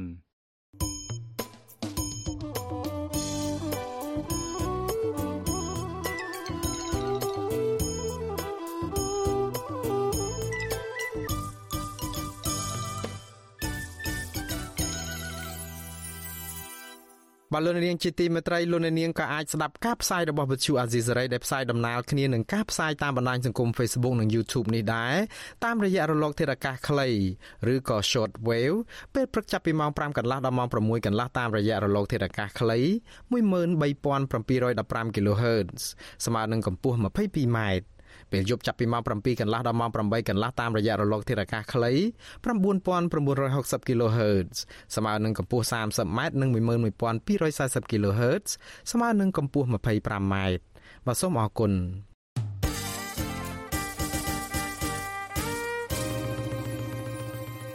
បាទលោកនាងជាទីមេត្រីកិច្ចព្រមព្រៀងសន្តិភាពទីក្រុងប៉ារី23ដុល្លារឆ្នាំ1991មានអាយុកាល30ឆ្នាំហើយគិតមកត្រឹមឆ្នាំ2021នេះ ក៏ប៉ុន្តែការអនុវត្តកិច្ចព្រមព្រៀងនេះនៅមិនទាន់បានពេញលេញនៅឡើយទេ ជាងនេះទៅទៀតរបបលហ៊ុនសែនហាក់ព្យាយាមបន្សាបកិច្ចព្រមព្រៀងនេះម្ដងហើយម្ដងទៀតតាមរយៈការបកស្រាយតាមអំពើចិត្តថាកិច្ចព្រមព្រៀងនេះលែងមានសុពលភាពតទៅទៀតទៅហើយក៏ប៉ុន្តែក្រមយុវជនដែលបានសិក្សាអំពីរឿងនេះមើលឃើញថាកិច្ចព្រមព្រៀងសន្តិភាពទីក្រុងប៉ារីមានតម្លៃជាអមតៈសម្រាប់កូនខ្មែរគ្រប់ជំនាន់បាទលោកជីវិតា មានសេចក្តីរាយការណ៍ជំវិញព័ត៌មាននេះ ក្រមយុវជនសកម្មដែលមានវ័យស្របាលនឹងកិច្ចព្រមព្រៀងសន្តិភាពទីក្រុងប៉ារីជំរុញឲ្យមេដឹកនាំបច្ចុប្បន្ននិងមេដឹកនាំចំនួនក្រោយៗទៀតអនុវត្តខ្លឹមសារនៃកិច្ចព្រមព្រៀងនេះឲ្យបានពេញលេញដើម្បីជាប្រយោជន៍ដល់ប្រជាជាតិខ្មែរគ្រប់ចំនួនប្រធានសមាគមបណ្ដាញយុវជនកម្ពុជា លោកអ៊ុលវ៉ាន់មានប្រសាសន៍ថាកិច្ចព្រមព្រៀងសន្តិភាពទីក្រុងប៉ារីប្រៀបបាននឹងយន្តការពីប្រជាជាតិខ្មែរពីការឈ្លានពានរបស់បរទេសនិងធ្វើឲ្យខ្មែរមានការបង្រួបបង្រួមនិងអភិវឌ្ឍជាតិ លោកថាមេដឹកនាំបច្ចុប្បន្ននិងមេដឹកនាំចំនួនក្រោយៗទៀតគប្បីគោរពនិងអនុវត្តខ្លឹមសារនៃកិច្ចព្រមព្រៀងនេះឲ្យបានត្រឹមត្រូវលោកបន្ថែមថាកិច្ចព្រមព្រៀងសន្តិភាពក្រុងប៉ារីមានសុពលភាពជារៀងដរាបមិនមែនដូចជាការបកស្រាយរបស់រដ្ឋាភិបាលបច្ចុប្បន្ននេះទេលោកអ៊ុលវ៉ាន់សង្កត់ធ្ងន់ថាការបកស្រាយរបស់រដ្ឋាភិបាលដែលថាកិច្ចព្រមព្រៀងជាអន្តរជាតិនេះអស់សុពលភាពនោះគឺជាការខាតបង់សម្រាប់ជាតិ និងជាការកិច្ចវេះពីកាតព្វកិច្ចនិងការទទួលខុសត្រូវទាំងឡាយដែលមានចែងក្នុងកិច្ចព្រមព្រៀងនេះក្នុងនាមជាយុវជនខ្ញុំចង់ឃើញអ្នកនយោបាយបាទមានឆន្ទៈគ្រប់គ្រាន់មានឆន្ទៈមោះមុតនៅក្នុងការទទួលខុសត្រូវជាពិសេសធានានៅការគោរពឲ្យបានពេញលេញប្រកបដោយប្រសិទ្ធភាពនៅកិច្ចព្រមព្រៀងសន្តិភាពទីក្រុងប៉ារីសហើយអ្នកនយោបាយខ្មែរគ្រប់រូបគួរតែចាត់ទុកកិច្ចព្រមព្រៀងសន្តិភាពទីក្រុងប៉ារីសនេះគឺជាអាវក្រោះ គឺជាយន្តការអន្តរជាតិមួយដែលអាចការពារកម្ពុជាបានពីហានិភ័យក៏ដូចជាពីបញ្ហាចំនួននយោបាយផ្សេងផ្សេងទាំងនៅក្នុងប្រទេសកម្ពុជាខ្លួនឯងក៏ដូចជានៅក្នុងតំបន់ឬក៏នៅក្នុងអន្តរជាតិស្រដៀងគ្នានេះប្រធានក្រុមអ្នកវិភាគវ័យក្មេងកញ្ញាលីស្រីស្រស់ថ្លែងថាការលើកឡើងរបស់លោកនាយករដ្ឋមន្ត្រីហ៊ុនសែននិងមន្ត្រីរដ្ឋាភិបាលមួយចំនួន ដែលថាកិច្ចព្រមព្រៀងនេះអស់សុពលភាពនោះគឺជាការខុសឆ្គងកញ្ញាថ្លែងថា កិច្ចព្រមព្រៀងសន្តិភាពក្រុងប៉ារីជាឯកសារច្បាប់យ៉ាងសំខាន់ដែលអាចជួយដល់កម្ពុជាឲ្យគេចផុតពីការរំលោភបំពានពីសំណាក់បរទេសទាំងនៅក្នុងពេលបច្ចុប្បន្ននិងអនាគតម្យ៉ាងវិញទៀតកញ្ញាថាកម្ពុជា អាចប្រើប្រាស់កិច្ចព្រមព្រៀងនេះជាមូលដ្ឋាន ក្នុងការតវ៉ាយកមកវិញ នៅទឹកដីដែលបាត់បង់ទៅប្រទេសជិតខាង តាមរយៈសន្ធិសញ្ញាមិនត្រឹមត្រូវទាំងឡាយកាលពីអតីតកាល។ ស្មារតីរបស់កិច្ចព្រមព្រៀងហ្នឹងគឺវានៅតែមានហើយការដែលគោរពអនុវត្តហ្នឹងវាគឺជាចំណុចសំខាន់របស់កម្ពុជាទៅលើការធ្វើឲ្យកម្ពុជាក្លាយជាប្រទេសដែលកាន់របបប្រជាធិបតេយ្យគោរពសិទ្ធិមនុស្សនិងនីតិរដ្ឋហើយក៏ជាប្រទេសដែលមានការធានាជាផ្លូវការអំពីការគោរពអធិបតេយ្យភាពហើយក៏ដូចជាការរំលឹកដល់ប្រទេសផ្សេងទៀតដែលចង់រំលោភអធិប តេយ្យតែភាពរបស់កម្ពុជាគឺពួកគេមិនអាចធ្វើបានទេបើយោងតាមកិច្ចព្រមព្រៀងមួយនេះអញ្ចឹងនេះគឺជាផលប្រយោជន៍ដែលបើសិនជាយើងអាចអនុវត្តឬក៏យើងជំរុញលើការលើកកម្ពស់ស្មារតីគោរពទៅលើកិច្ចព្រមព្រៀងសន្តិភាពក្រុងប៉ារីសអញ្ចឹងយើងអាចបានប្រយោជន៍ទាំងអស់នេះបានការអំពាវនាវរបស់ក្រមយុវជនដែលចង់ឲ្យមេដឹកនាំខ្មែរគោរពនិងអនុវត្តស្មារតីកិច្ចព្រមព្រៀងក្រុងប៉ារីសឲ្យបានពេញលេញនេះគឺដោយសារពួកគេសង្កេតឃើញថាលោកនាយករដ្ឋមន្ត្រីហ៊ុនសែននិងមន្ត្រីរបស់លោកមួយចំនួន បាននាំគ្នាបកស្រាយថាកិច្ចព្រមព្រៀងជាប្រវត្តិសាស្ត្រមួយនេះបានស្លាប់បាត់ទៅហើយលោកហ៊ុនសែនដែលជាហត្ថលេខីមួយរូបដែរនោះធ្លាប់លើកឡើងជាច្រើនដងរួចមកហើយថាកិច្ចព្រមព្រៀងសន្តិភាពក្រុងប៉ារីបានអស់សុពលភាពហើយពីព្រោះខ្លឹមសារទាំងឡាយនៃកិច្ចព្រមព្រៀងនេះត្រូវបានដាក់បញ្ចូលទៅក្នុងរដ្ឋធម្មនុញ្ញឆ្នាំ1993អស់ទៅហើយលោកថ្លែងទៀតថាបើចង់ឲ្យកម្ពុជាអនុវត្តកិច្ចព្រមព្រៀងនេះវិញ ទាល់តែមានសង្គ្រាមជាថ្មី ហើយស្ថាប័នព្រះមហាក្សត្រនិងតុលាការខ្មែរក្រហមជាដើមសុទ្ធសឹងតែត្រូវរំលាយចោលបើគោរពប៉ារីសទៅដោះលែងគៀសម្ផនត្រឡប់មកវិញហើយលុបចោលអាតឡាការគាត់ចោលរឿងវាបានឈានមកដល់រដ្ឋធម្មនុញ្ញដែលត្រូវអនុវត្តពុំមានអន្តរណាទៀតហើយបើសិនជាត្រូវអនុវត្តកិច្ចព្រមព្រៀងប៉ារីសកម្ពុជាមិនត្រូវមានព្រះបបរតត្រូវមានមហាក្សត្រទេត្រូវមានក្រមប្រឹក្សាជាតិជាន់ខ្ពស់ ហើយព្រះមហាក្សត្រយើងគឺត្រឹមតែជាប្រធានក្រុមប្រឹក្សាជាតិជាន់ខ្ពស់ទេហើយអ្នកដែលមានសិទ្ធិសម្រេចចុងក្រោយគឺនៅលើប្រធានអ៊ុនតាក់ឯណោះរឿងហ្នឹងហើយដែលខ្ញុំមិនព្រមហើយខ្ញុំទៅទៅជាកនៅលើជួរនៅក្នុងក្រមប្រឹក្សាសន្តិសុខអង្គការសហប្រជាជាតិរបស់ការបកស្រាយបែបនេះរបស់លោកនាយករដ្ឋមន្ត្រីហ៊ុនសែនត្រូវបានមន្ត្រីក្រមបង្គាប់របស់លោកយកទៅសូត្ររត់មាត់តាមគ្នា និងនិយាយបន្តទាំងជាមួយអ្នកសារព័ត៌មាន ទាំងក្នុងវេទិកាសាធារណៈនានា ជាងនេះទៅទៀតពួកគេហាក់លើកដំកើងលោកនាយករដ្ឋមន្ត្រីហ៊ុនសែនតែម្នាក់គត់ឲ្យមានគុណសម្បត្តិលើកិច្ចព្រមព្រៀងសន្តិភាពក្រុងប៉ារី ជាឧទាហរណ៍រដ្ឋមន្ត្រីការបរទេសកម្ពុជា លោកប្រាក់សុខុន បានហៅលោកនាយករដ្ឋមន្ត្រីហ៊ុនសែនថាជាមហារដ្ឋបុរសនៅចំពោះមុខអង្គទូតបរទេស និងភ្ញៀវកិត្តិយសដទៃទៀត ក្នុងពិធីប្រារព្ធខួប30ឆ្នាំនៃកិច្ចព្រមព្រៀងនេះកាលពីថ្ងៃទី23តុលាក្នុងសន្ទរកថារយៈពេលជិត1ម៉ោងលោកប្រាក់សុខុនហាក់មិនសូវផ្ដល់តម្លៃដល់កិច្ចព្រមព្រៀងសន្តិភាពក្រុងប៉ារីសនោះទេប៉ុន្តែលោកបានលើកដំកើងលោកនាយករដ្ឋមន្ត្រីហ៊ុនសែនឲ្យមានគុណសម្បត្តិលើតួអង្គឯទៀតឯទៀតដែលបានចូលរួមបដិបដើមដែលក្នុងនោះមានទាំងព្រះបរមរតនកោដ្ឋនរោត្តមសីហនុផងដែរលោកអះអាងថា លោកនាយករដ្ឋមន្ត្រីហ៊ុនសែនជាអ្នកដឹកនាំតែម្នាក់គត់ដែលនាំមកនៅសន្តិភាពការបង្រួបបង្រួមជាតិនិងឯកភាពទឹកដីនៅចុងឆ្នាំ1998តាមរយៈនយោបាយឈ្នះឈ្នះរាជរដ្ឋាភិបាលបានអនុញ្ញាតឲ្យធនាគារជាតិកម្ពុជាចេញផ្សាយនៅក្រដាសប្រាក់ថ្មីមានតម្លៃ30,000រៀលតាមរយៈការបោះពុម្ពផ្សាយក្រដាសប្រាក់នេះរាជរដ្ឋាភិបាលកម្ពុជា ដឹកនាំដោយសម្ដេចហ៊ុនសែន ស្ថាបត្យករទី1និងសំខាន់បំផុតនៃកិច្ចព្រមព្រៀងក្រុងប៉ារី បញ្ជាក់សារជាថ្មីអំពីសារៈសំខាន់នៃសមិទ្ធផលជាប្រវត្តិសាស្ត្រនិងរំលឹកប្រជាពលរដ្ឋទាំងអស់អំពីគុណបំណាច់នៃកិច្ចព្រមព្រៀងនិងអ្នកដែលបានរួមគ្នាសម្រេចកិច្ចព្រមព្រៀងនេះចំពោះសន្តិភាពនិងការពង្រឹងរួមជាតិទោះជាយ៉ាងណាអគ្គលេខាធិការសហព័ន្ធនិស្សិតបញ្ញវន្តកម្ពុជាលោកគៀនពន្លកយល់ថា មូលហេតុដែលរដ្ឋាភិបាលលោកហ៊ុនសែនមិនសូវផ្ដល់តម្លៃដល់កិច្ចព្រមព្រៀងសន្តិភាពក្រុងប៉ារីពីព្រោះរដ្ឋាភិបាលបានបរាជ័យក្នុងការអនុវត្តតាមខ្លឹមសារមួយចំនួននៅក្នុងកិច្ចព្រមព្រៀងនេះលោកថាចំណុចបរាជ័យទាំងនោះ មានជាអាចការប្រែក្លាយកម្ពុជាទៅជារបបដឹកនាំឯកបកការគៀបសង្កត់សិទ្ធិសេរីភាពពលរដ្ឋនិងការធ្វើឲ្យជាតិបែកបាក់តាមរយៈការកម្ចាត់អ្នកមានទស្សនៈនយោបាយផ្ទុយនិងសម្លេងឯករាជ្យជាដើម យុវជនដែលជាអ្នកឃ្លាំមើលស្ថានភាពនយោបាយរូបនេះសង្កត់ធ្ងន់ថាកិច្ចព្រមព្រៀងសន្តិភាពទីក្រុងប៉ារីមានតម្លៃជាអមតៈដូច្នេះមេដឹកនាំដែលចង់លុបបំបាត់ឬប៉ុនប៉ងបន្សាបកិច្ចព្រមព្រៀងនេះពួកគេមិនមែនជាអ្នកស្នេហាជាតិពិតប្រាកដនោះទេ មានតែ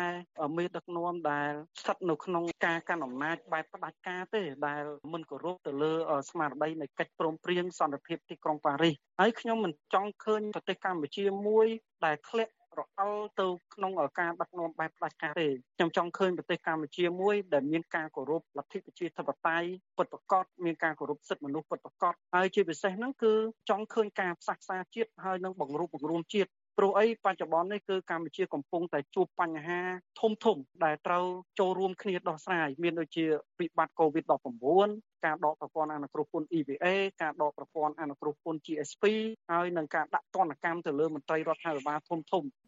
ក្នុងខួប30ឆ្នាំនេះប្រជាពលរដ្ឋខ្មែរទាំងក្នុងទាំងក្រៅប្រទេសក្រមសង្គមស៊ីវិលឯករាជ្យអង្គការអន្តរជាតិនិងប្រទេសហត្ថលេខីមួយចំនួន បានធ្វើសកម្មភាពផ្សេងៗគ្នាដើម្បីបង្ហាញការគាំទ្រនិងទាមទារឲ្យរដ្ឋាភិបាលលោកហ៊ុនសែនគោរពកិច្ចព្រមព្រៀងសន្តិភាពទីក្រុងប៉ារីជាពិសេសប្រទេសហត្ថលេខីមួយចំនួន ដូចជាសហរដ្ឋអាមេរិកបារាំងអង់គ្លេសអូស្ត្រាលីនិងជប៉ុនជាដើម បានលើកឡើងជាចំហថារដ្ឋាភិបាលលោកហ៊ុនសែនមិនទាន់អនុវត្តកិច្ចព្រមព្រៀងសន្តិភាពក្រុងប៉ារីឲ្យបានពេញលេញនៅឡើយទេ ហើយចំណុចខ្វះខាតទាំងនោះ គួរតែត្រូវបានពិនិត្យពិចារណាឡើងវិញក្រមប្រទេសប្រជាធិបតេយ្យទាំងនោះបញ្ជាក់ច្បាស់ច្បាស់ទៀតថាពួកគេនឹងឈរជាមួយពលរដ្ឋខ្មែរដែលចង់បានការអភិវឌ្ឍការគោរពសិទ្ធិមនុស្សនិងលទ្ធិប្រជាធិបតេយ្យពិតប្រាកដស្របតាមស្មារតីនៃកិច្ចព្រមព្រៀងសន្តិភាពក្រុងប៉ារីក្រុមអង្គការសង្គមស៊ីវិលនិងក្រុមបញ្ញវន្តជំរុញប្រជាពលរដ្ឋជាពិសេសយុវជន ឲ្យសិក្សាស្វែងយល់ស៊ីជម្រៅបន្ថែមទៀតអំពីកិច្ចព្រមព្រៀងសន្តិភាពទីក្រុងប៉ារីពីព្រោះនេះជាមូលដ្ឋានច្បាប់អន្តរជាតិដ៏រឹងមាំដែលអាចជួយការពារប្រជាជាតិខ្មែរគ្រប់ចំនួននិងគ្រប់បញ្ហា សំខាន់ជាងនេះទៅទៀតនោះពួកគេថាការយល់ដឹងច្បាស់ពីកិច្ចព្រមព្រៀងសន្តិភាពទីក្រុងប៉ារីអាចបណ្ដុះស្មារតីអ្នកដឹកនាំចំនួនក្រោយឲ្យគិតគូរបញ្ហាជាតិជាធំ ដោយអនុលោមតាមស្មារតីនៃកិច្ចព្រមព្រៀងមួយនេះ ខ្ញុំជីវិតាអាស៊ីសេរី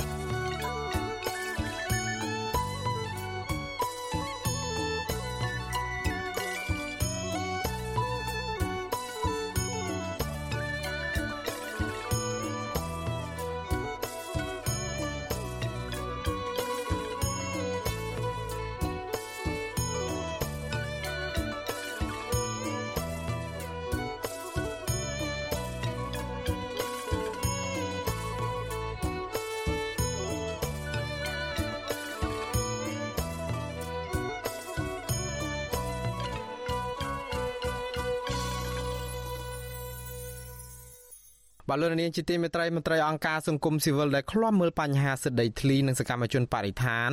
គាំទ្ររបាយការណ៍របស់មន្ត្រីជាន់ខ្ពស់របស់អង្គការសហប្រជាជាតិដែលបង្ហាញអំពីមូលហេតុដែលនាំឲ្យកើតនូវវិបត្តិដីធ្លី និងផលប៉ះពាល់បរិស្ថាននៅកម្ពុជា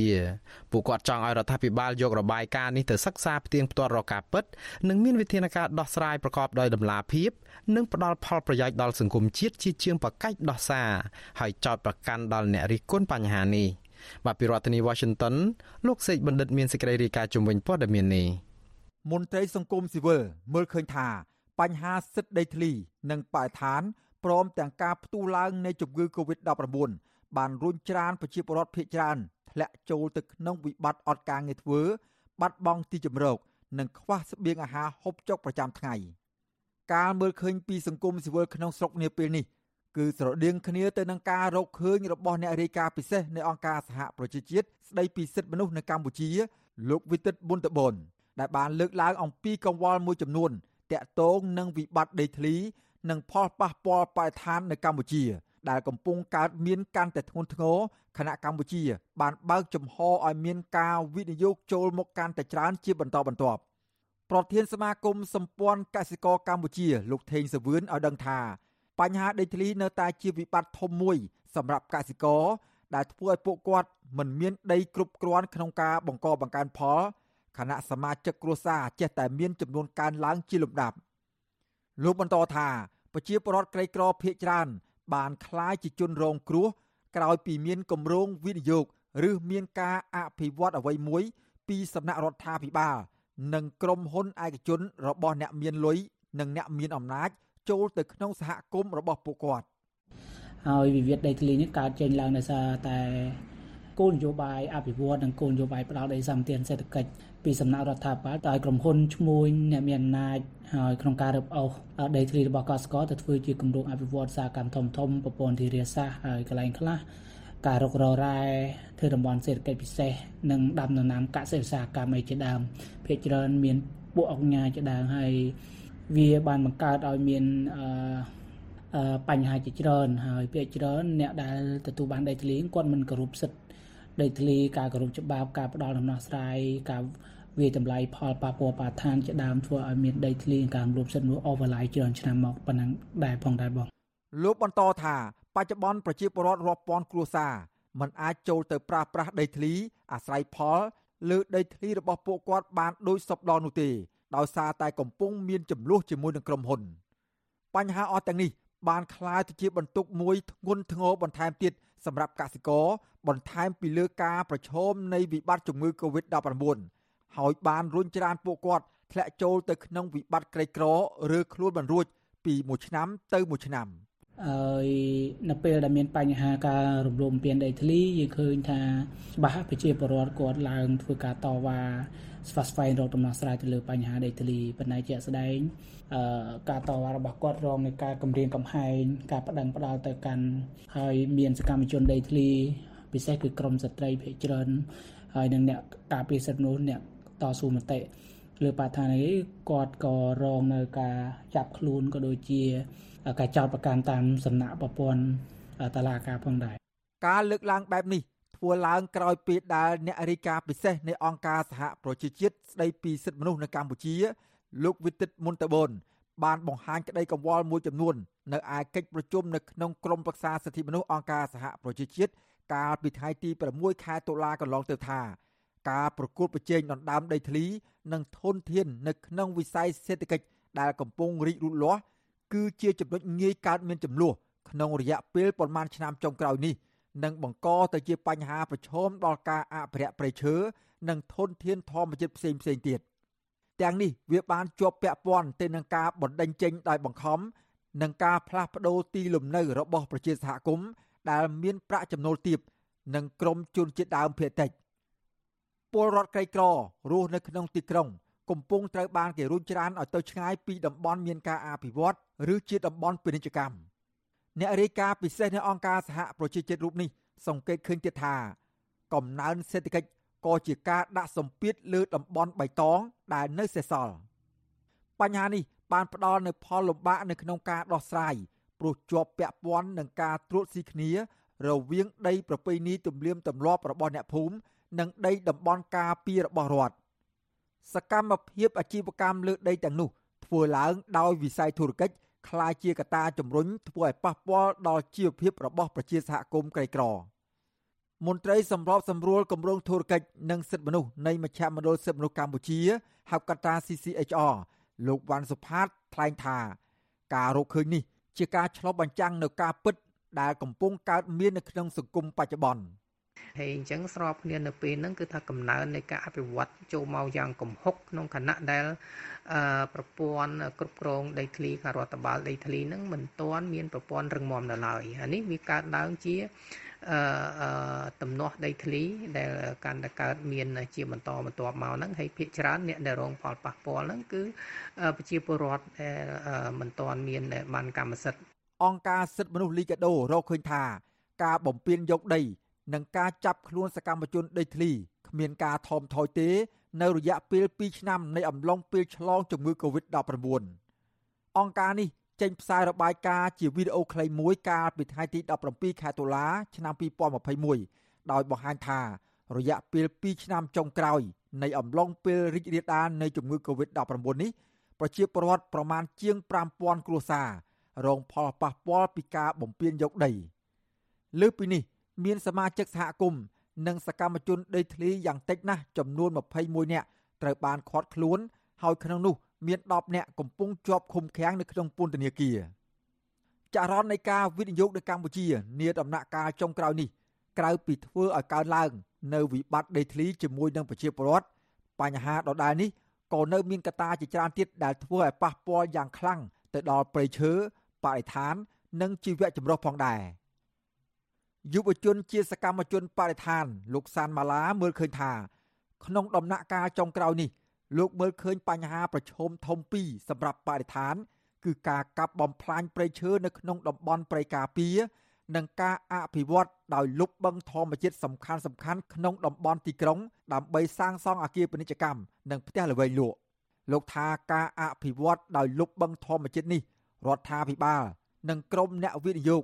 អាចមើលឃើញពីផលចំណេញក្នុងរយៈពេលខ្លីប៉ុន្តែពួកគេមិនបានមើលពីផលប៉ះពាល់ក្នុងរយៈពេលយូរអង្វែងនោះឡើយ។ប៉ុន្តែការវិវត្តដែលមើលឃើញតែផលចំណេញរយៈពេលខ្លីបែបហ្នឹងខ្ញុំគិតថាជារឿងដែលមិនអាចទទួលយកបានទេត្បិតមនុស្សនិងមនុស្សមិនឆ្លោះគ្នាប៉ុន្តែការធ្វើបែបហ្នឹងវាប៉ះពាល់ទៅដល់បរិស្ថាននៅក្នុងរយៈពេលវែងលោកវិទិតមុនតបនបង្ហាញថា ការអភិវឌ្ឍដែលជោគជ័យនឹងទទួលបានផលចំណេញទាំងអស់គ្នាលុះត្រាតែមានវិធានការបង្ការដូចជាការពិនិត្យមើលផលប៉ះពាល់និងកាត់បន្ថយហានិភ័យនានា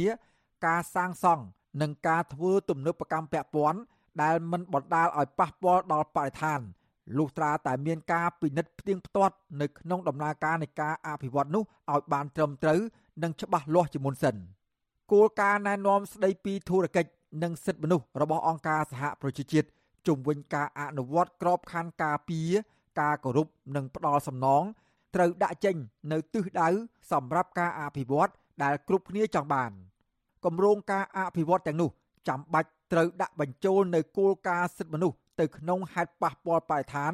ដែលត្រូវធ្វើឡើងមុនការអនុវត្តគម្រោងតាក់ទងនឹងរឿងនេះវិទ្យុអាស៊ីសេរី មិនទាន់អាចសុំការពន្យល់ពីអ្នកនាំពាក្យក្រសួងបរិស្ថាន លោកនេតភក្ត្រានិងអ្នកនាំពាក្យរដ្ឋាភិបាលលោកផៃសិផានបានទេកាលពីថ្ងៃទី20ខែតុលាប៉ុន្តែអ្នកនាំពាក្យគណៈកម្មាធិការសិទ្ធិមនុស្សរបស់រដ្ឋាភិបាលកម្ពុជា លោកកតាអន ថាជំហររដ្ឋាភិបាលកម្ពុជានឹងមិនទទួលយកអនុសាសន៍ទាំងឡាយណា ដែលផ្ទុយពីការពិតនៅកម្ពុជានោះទេលោកចាត់ទុកអនុសាសន៍ទាំងនោះថាមានចរិតនយោបាយ និងជ្រៀតជ្រែកកិច្ចការផ្ទៃក្នុងរបស់កម្ពុជា កាលពីខែធ្នូឆ្នាំ2020អតីតអ្នករាយការណ៍ពិសេសអាណត្តិមុនបានផ្ញើលិខិតទៅកាន់អាជ្ញាធរពាក់ព័ន្ធនឹងបញ្ហាចំនួនដីធ្លីរវាងសហគមន៍មូលដ្ឋាន និងអាជ្ញាធរដោយសារតែផលប៉ះពាល់អាជីវកម្មក្នុងការអភិវឌ្ឍការធ្វើពាណិជ្ជកម្មដីធ្លី និងធនធានដែលពាក់ព័ន្ធតំបន់ចំនួនដីធ្លីខ្លះ មាននៅជុំវិញក្រុងភ្នំពេញ និងតាមបណ្ដាខេត្តមួយចំនួនទៀត ដីដែលមានចំនួនទាំងនោះរួមមានដីលិចទឹក ដែលមានតួនាទីយ៉ាងសំខាន់ដល់ប្រព័ន្ធអេកូឡូស៊ីសកម្មភាពទាំងឡាយដែលបណ្ដាលឲ្យខូចខាតរួមមាន ការចាក់ដីលុបបឹងដែលអាចធ្វើឲ្យមានការរិះគន់និងការគំរាមកំហែងនៃទឹកជំនន់ពាក់ព័ន្ធនឹងរឿងនេះអាជ្ញាធរបានឆ្លើយតបទៅអតីតអ្នករាយការណ៍ពិសេសអង្គការសហប្រជាជាតិថាវិធានការបង្ការ ដូចជាការវិយតម្លៃអំពីផលប៉ះពាល់បរិស្ថាន ត្រូវបានធ្វើឡើង ហើយអាជ្ញាធរក៏បានផ្ដល់ផ្ទះដល់ក្រុមគ្រួសារដែលរងផលប៉ះពាល់ផងដែរពាក់ព័ន្ធនឹងការអះអាងបែបនេះមន្ត្រីសិទ្ធិមនុស្សនិងអ្នកខ្លំមើលបរិស្ថានអះអាងថាវិធានការទាំងនេះឃើញមានតែត្រឹមតែជាគោលការណ៍ប៉ុណ្ណោះប៉ុន្តែការអនុវត្តជាក់ស្ដែងពុំមានឡើយឬក៏មានតិចតួចដែរតាមតំបន់ខ្លះជាលក្ខណៈបង្ក្រប់កិច្ចដោយមិនបានអនុវត្តឲ្យបានពេញលេញនិងមានការចូលរួមពីអ្នកជំនាញឯករាជ្យនិងភាគីដែលរងផលប៉ះពាល់ផ្ទាល់នោះឡើយ ខ្ញុំបាទសេកបណ្ឌិតវិទ្យុអាស៊ីសេរីពីរដ្ឋធានីវ៉ាស៊ីនតោន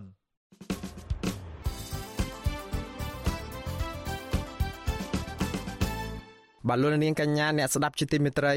ការផ្សាយរយៈពេល1ម៉ោងជាភាសាខ្មែររបស់វិទ្យុអាស៊ីសេរីនៅពេលនេះចប់តែប៉ុណ្ណេះ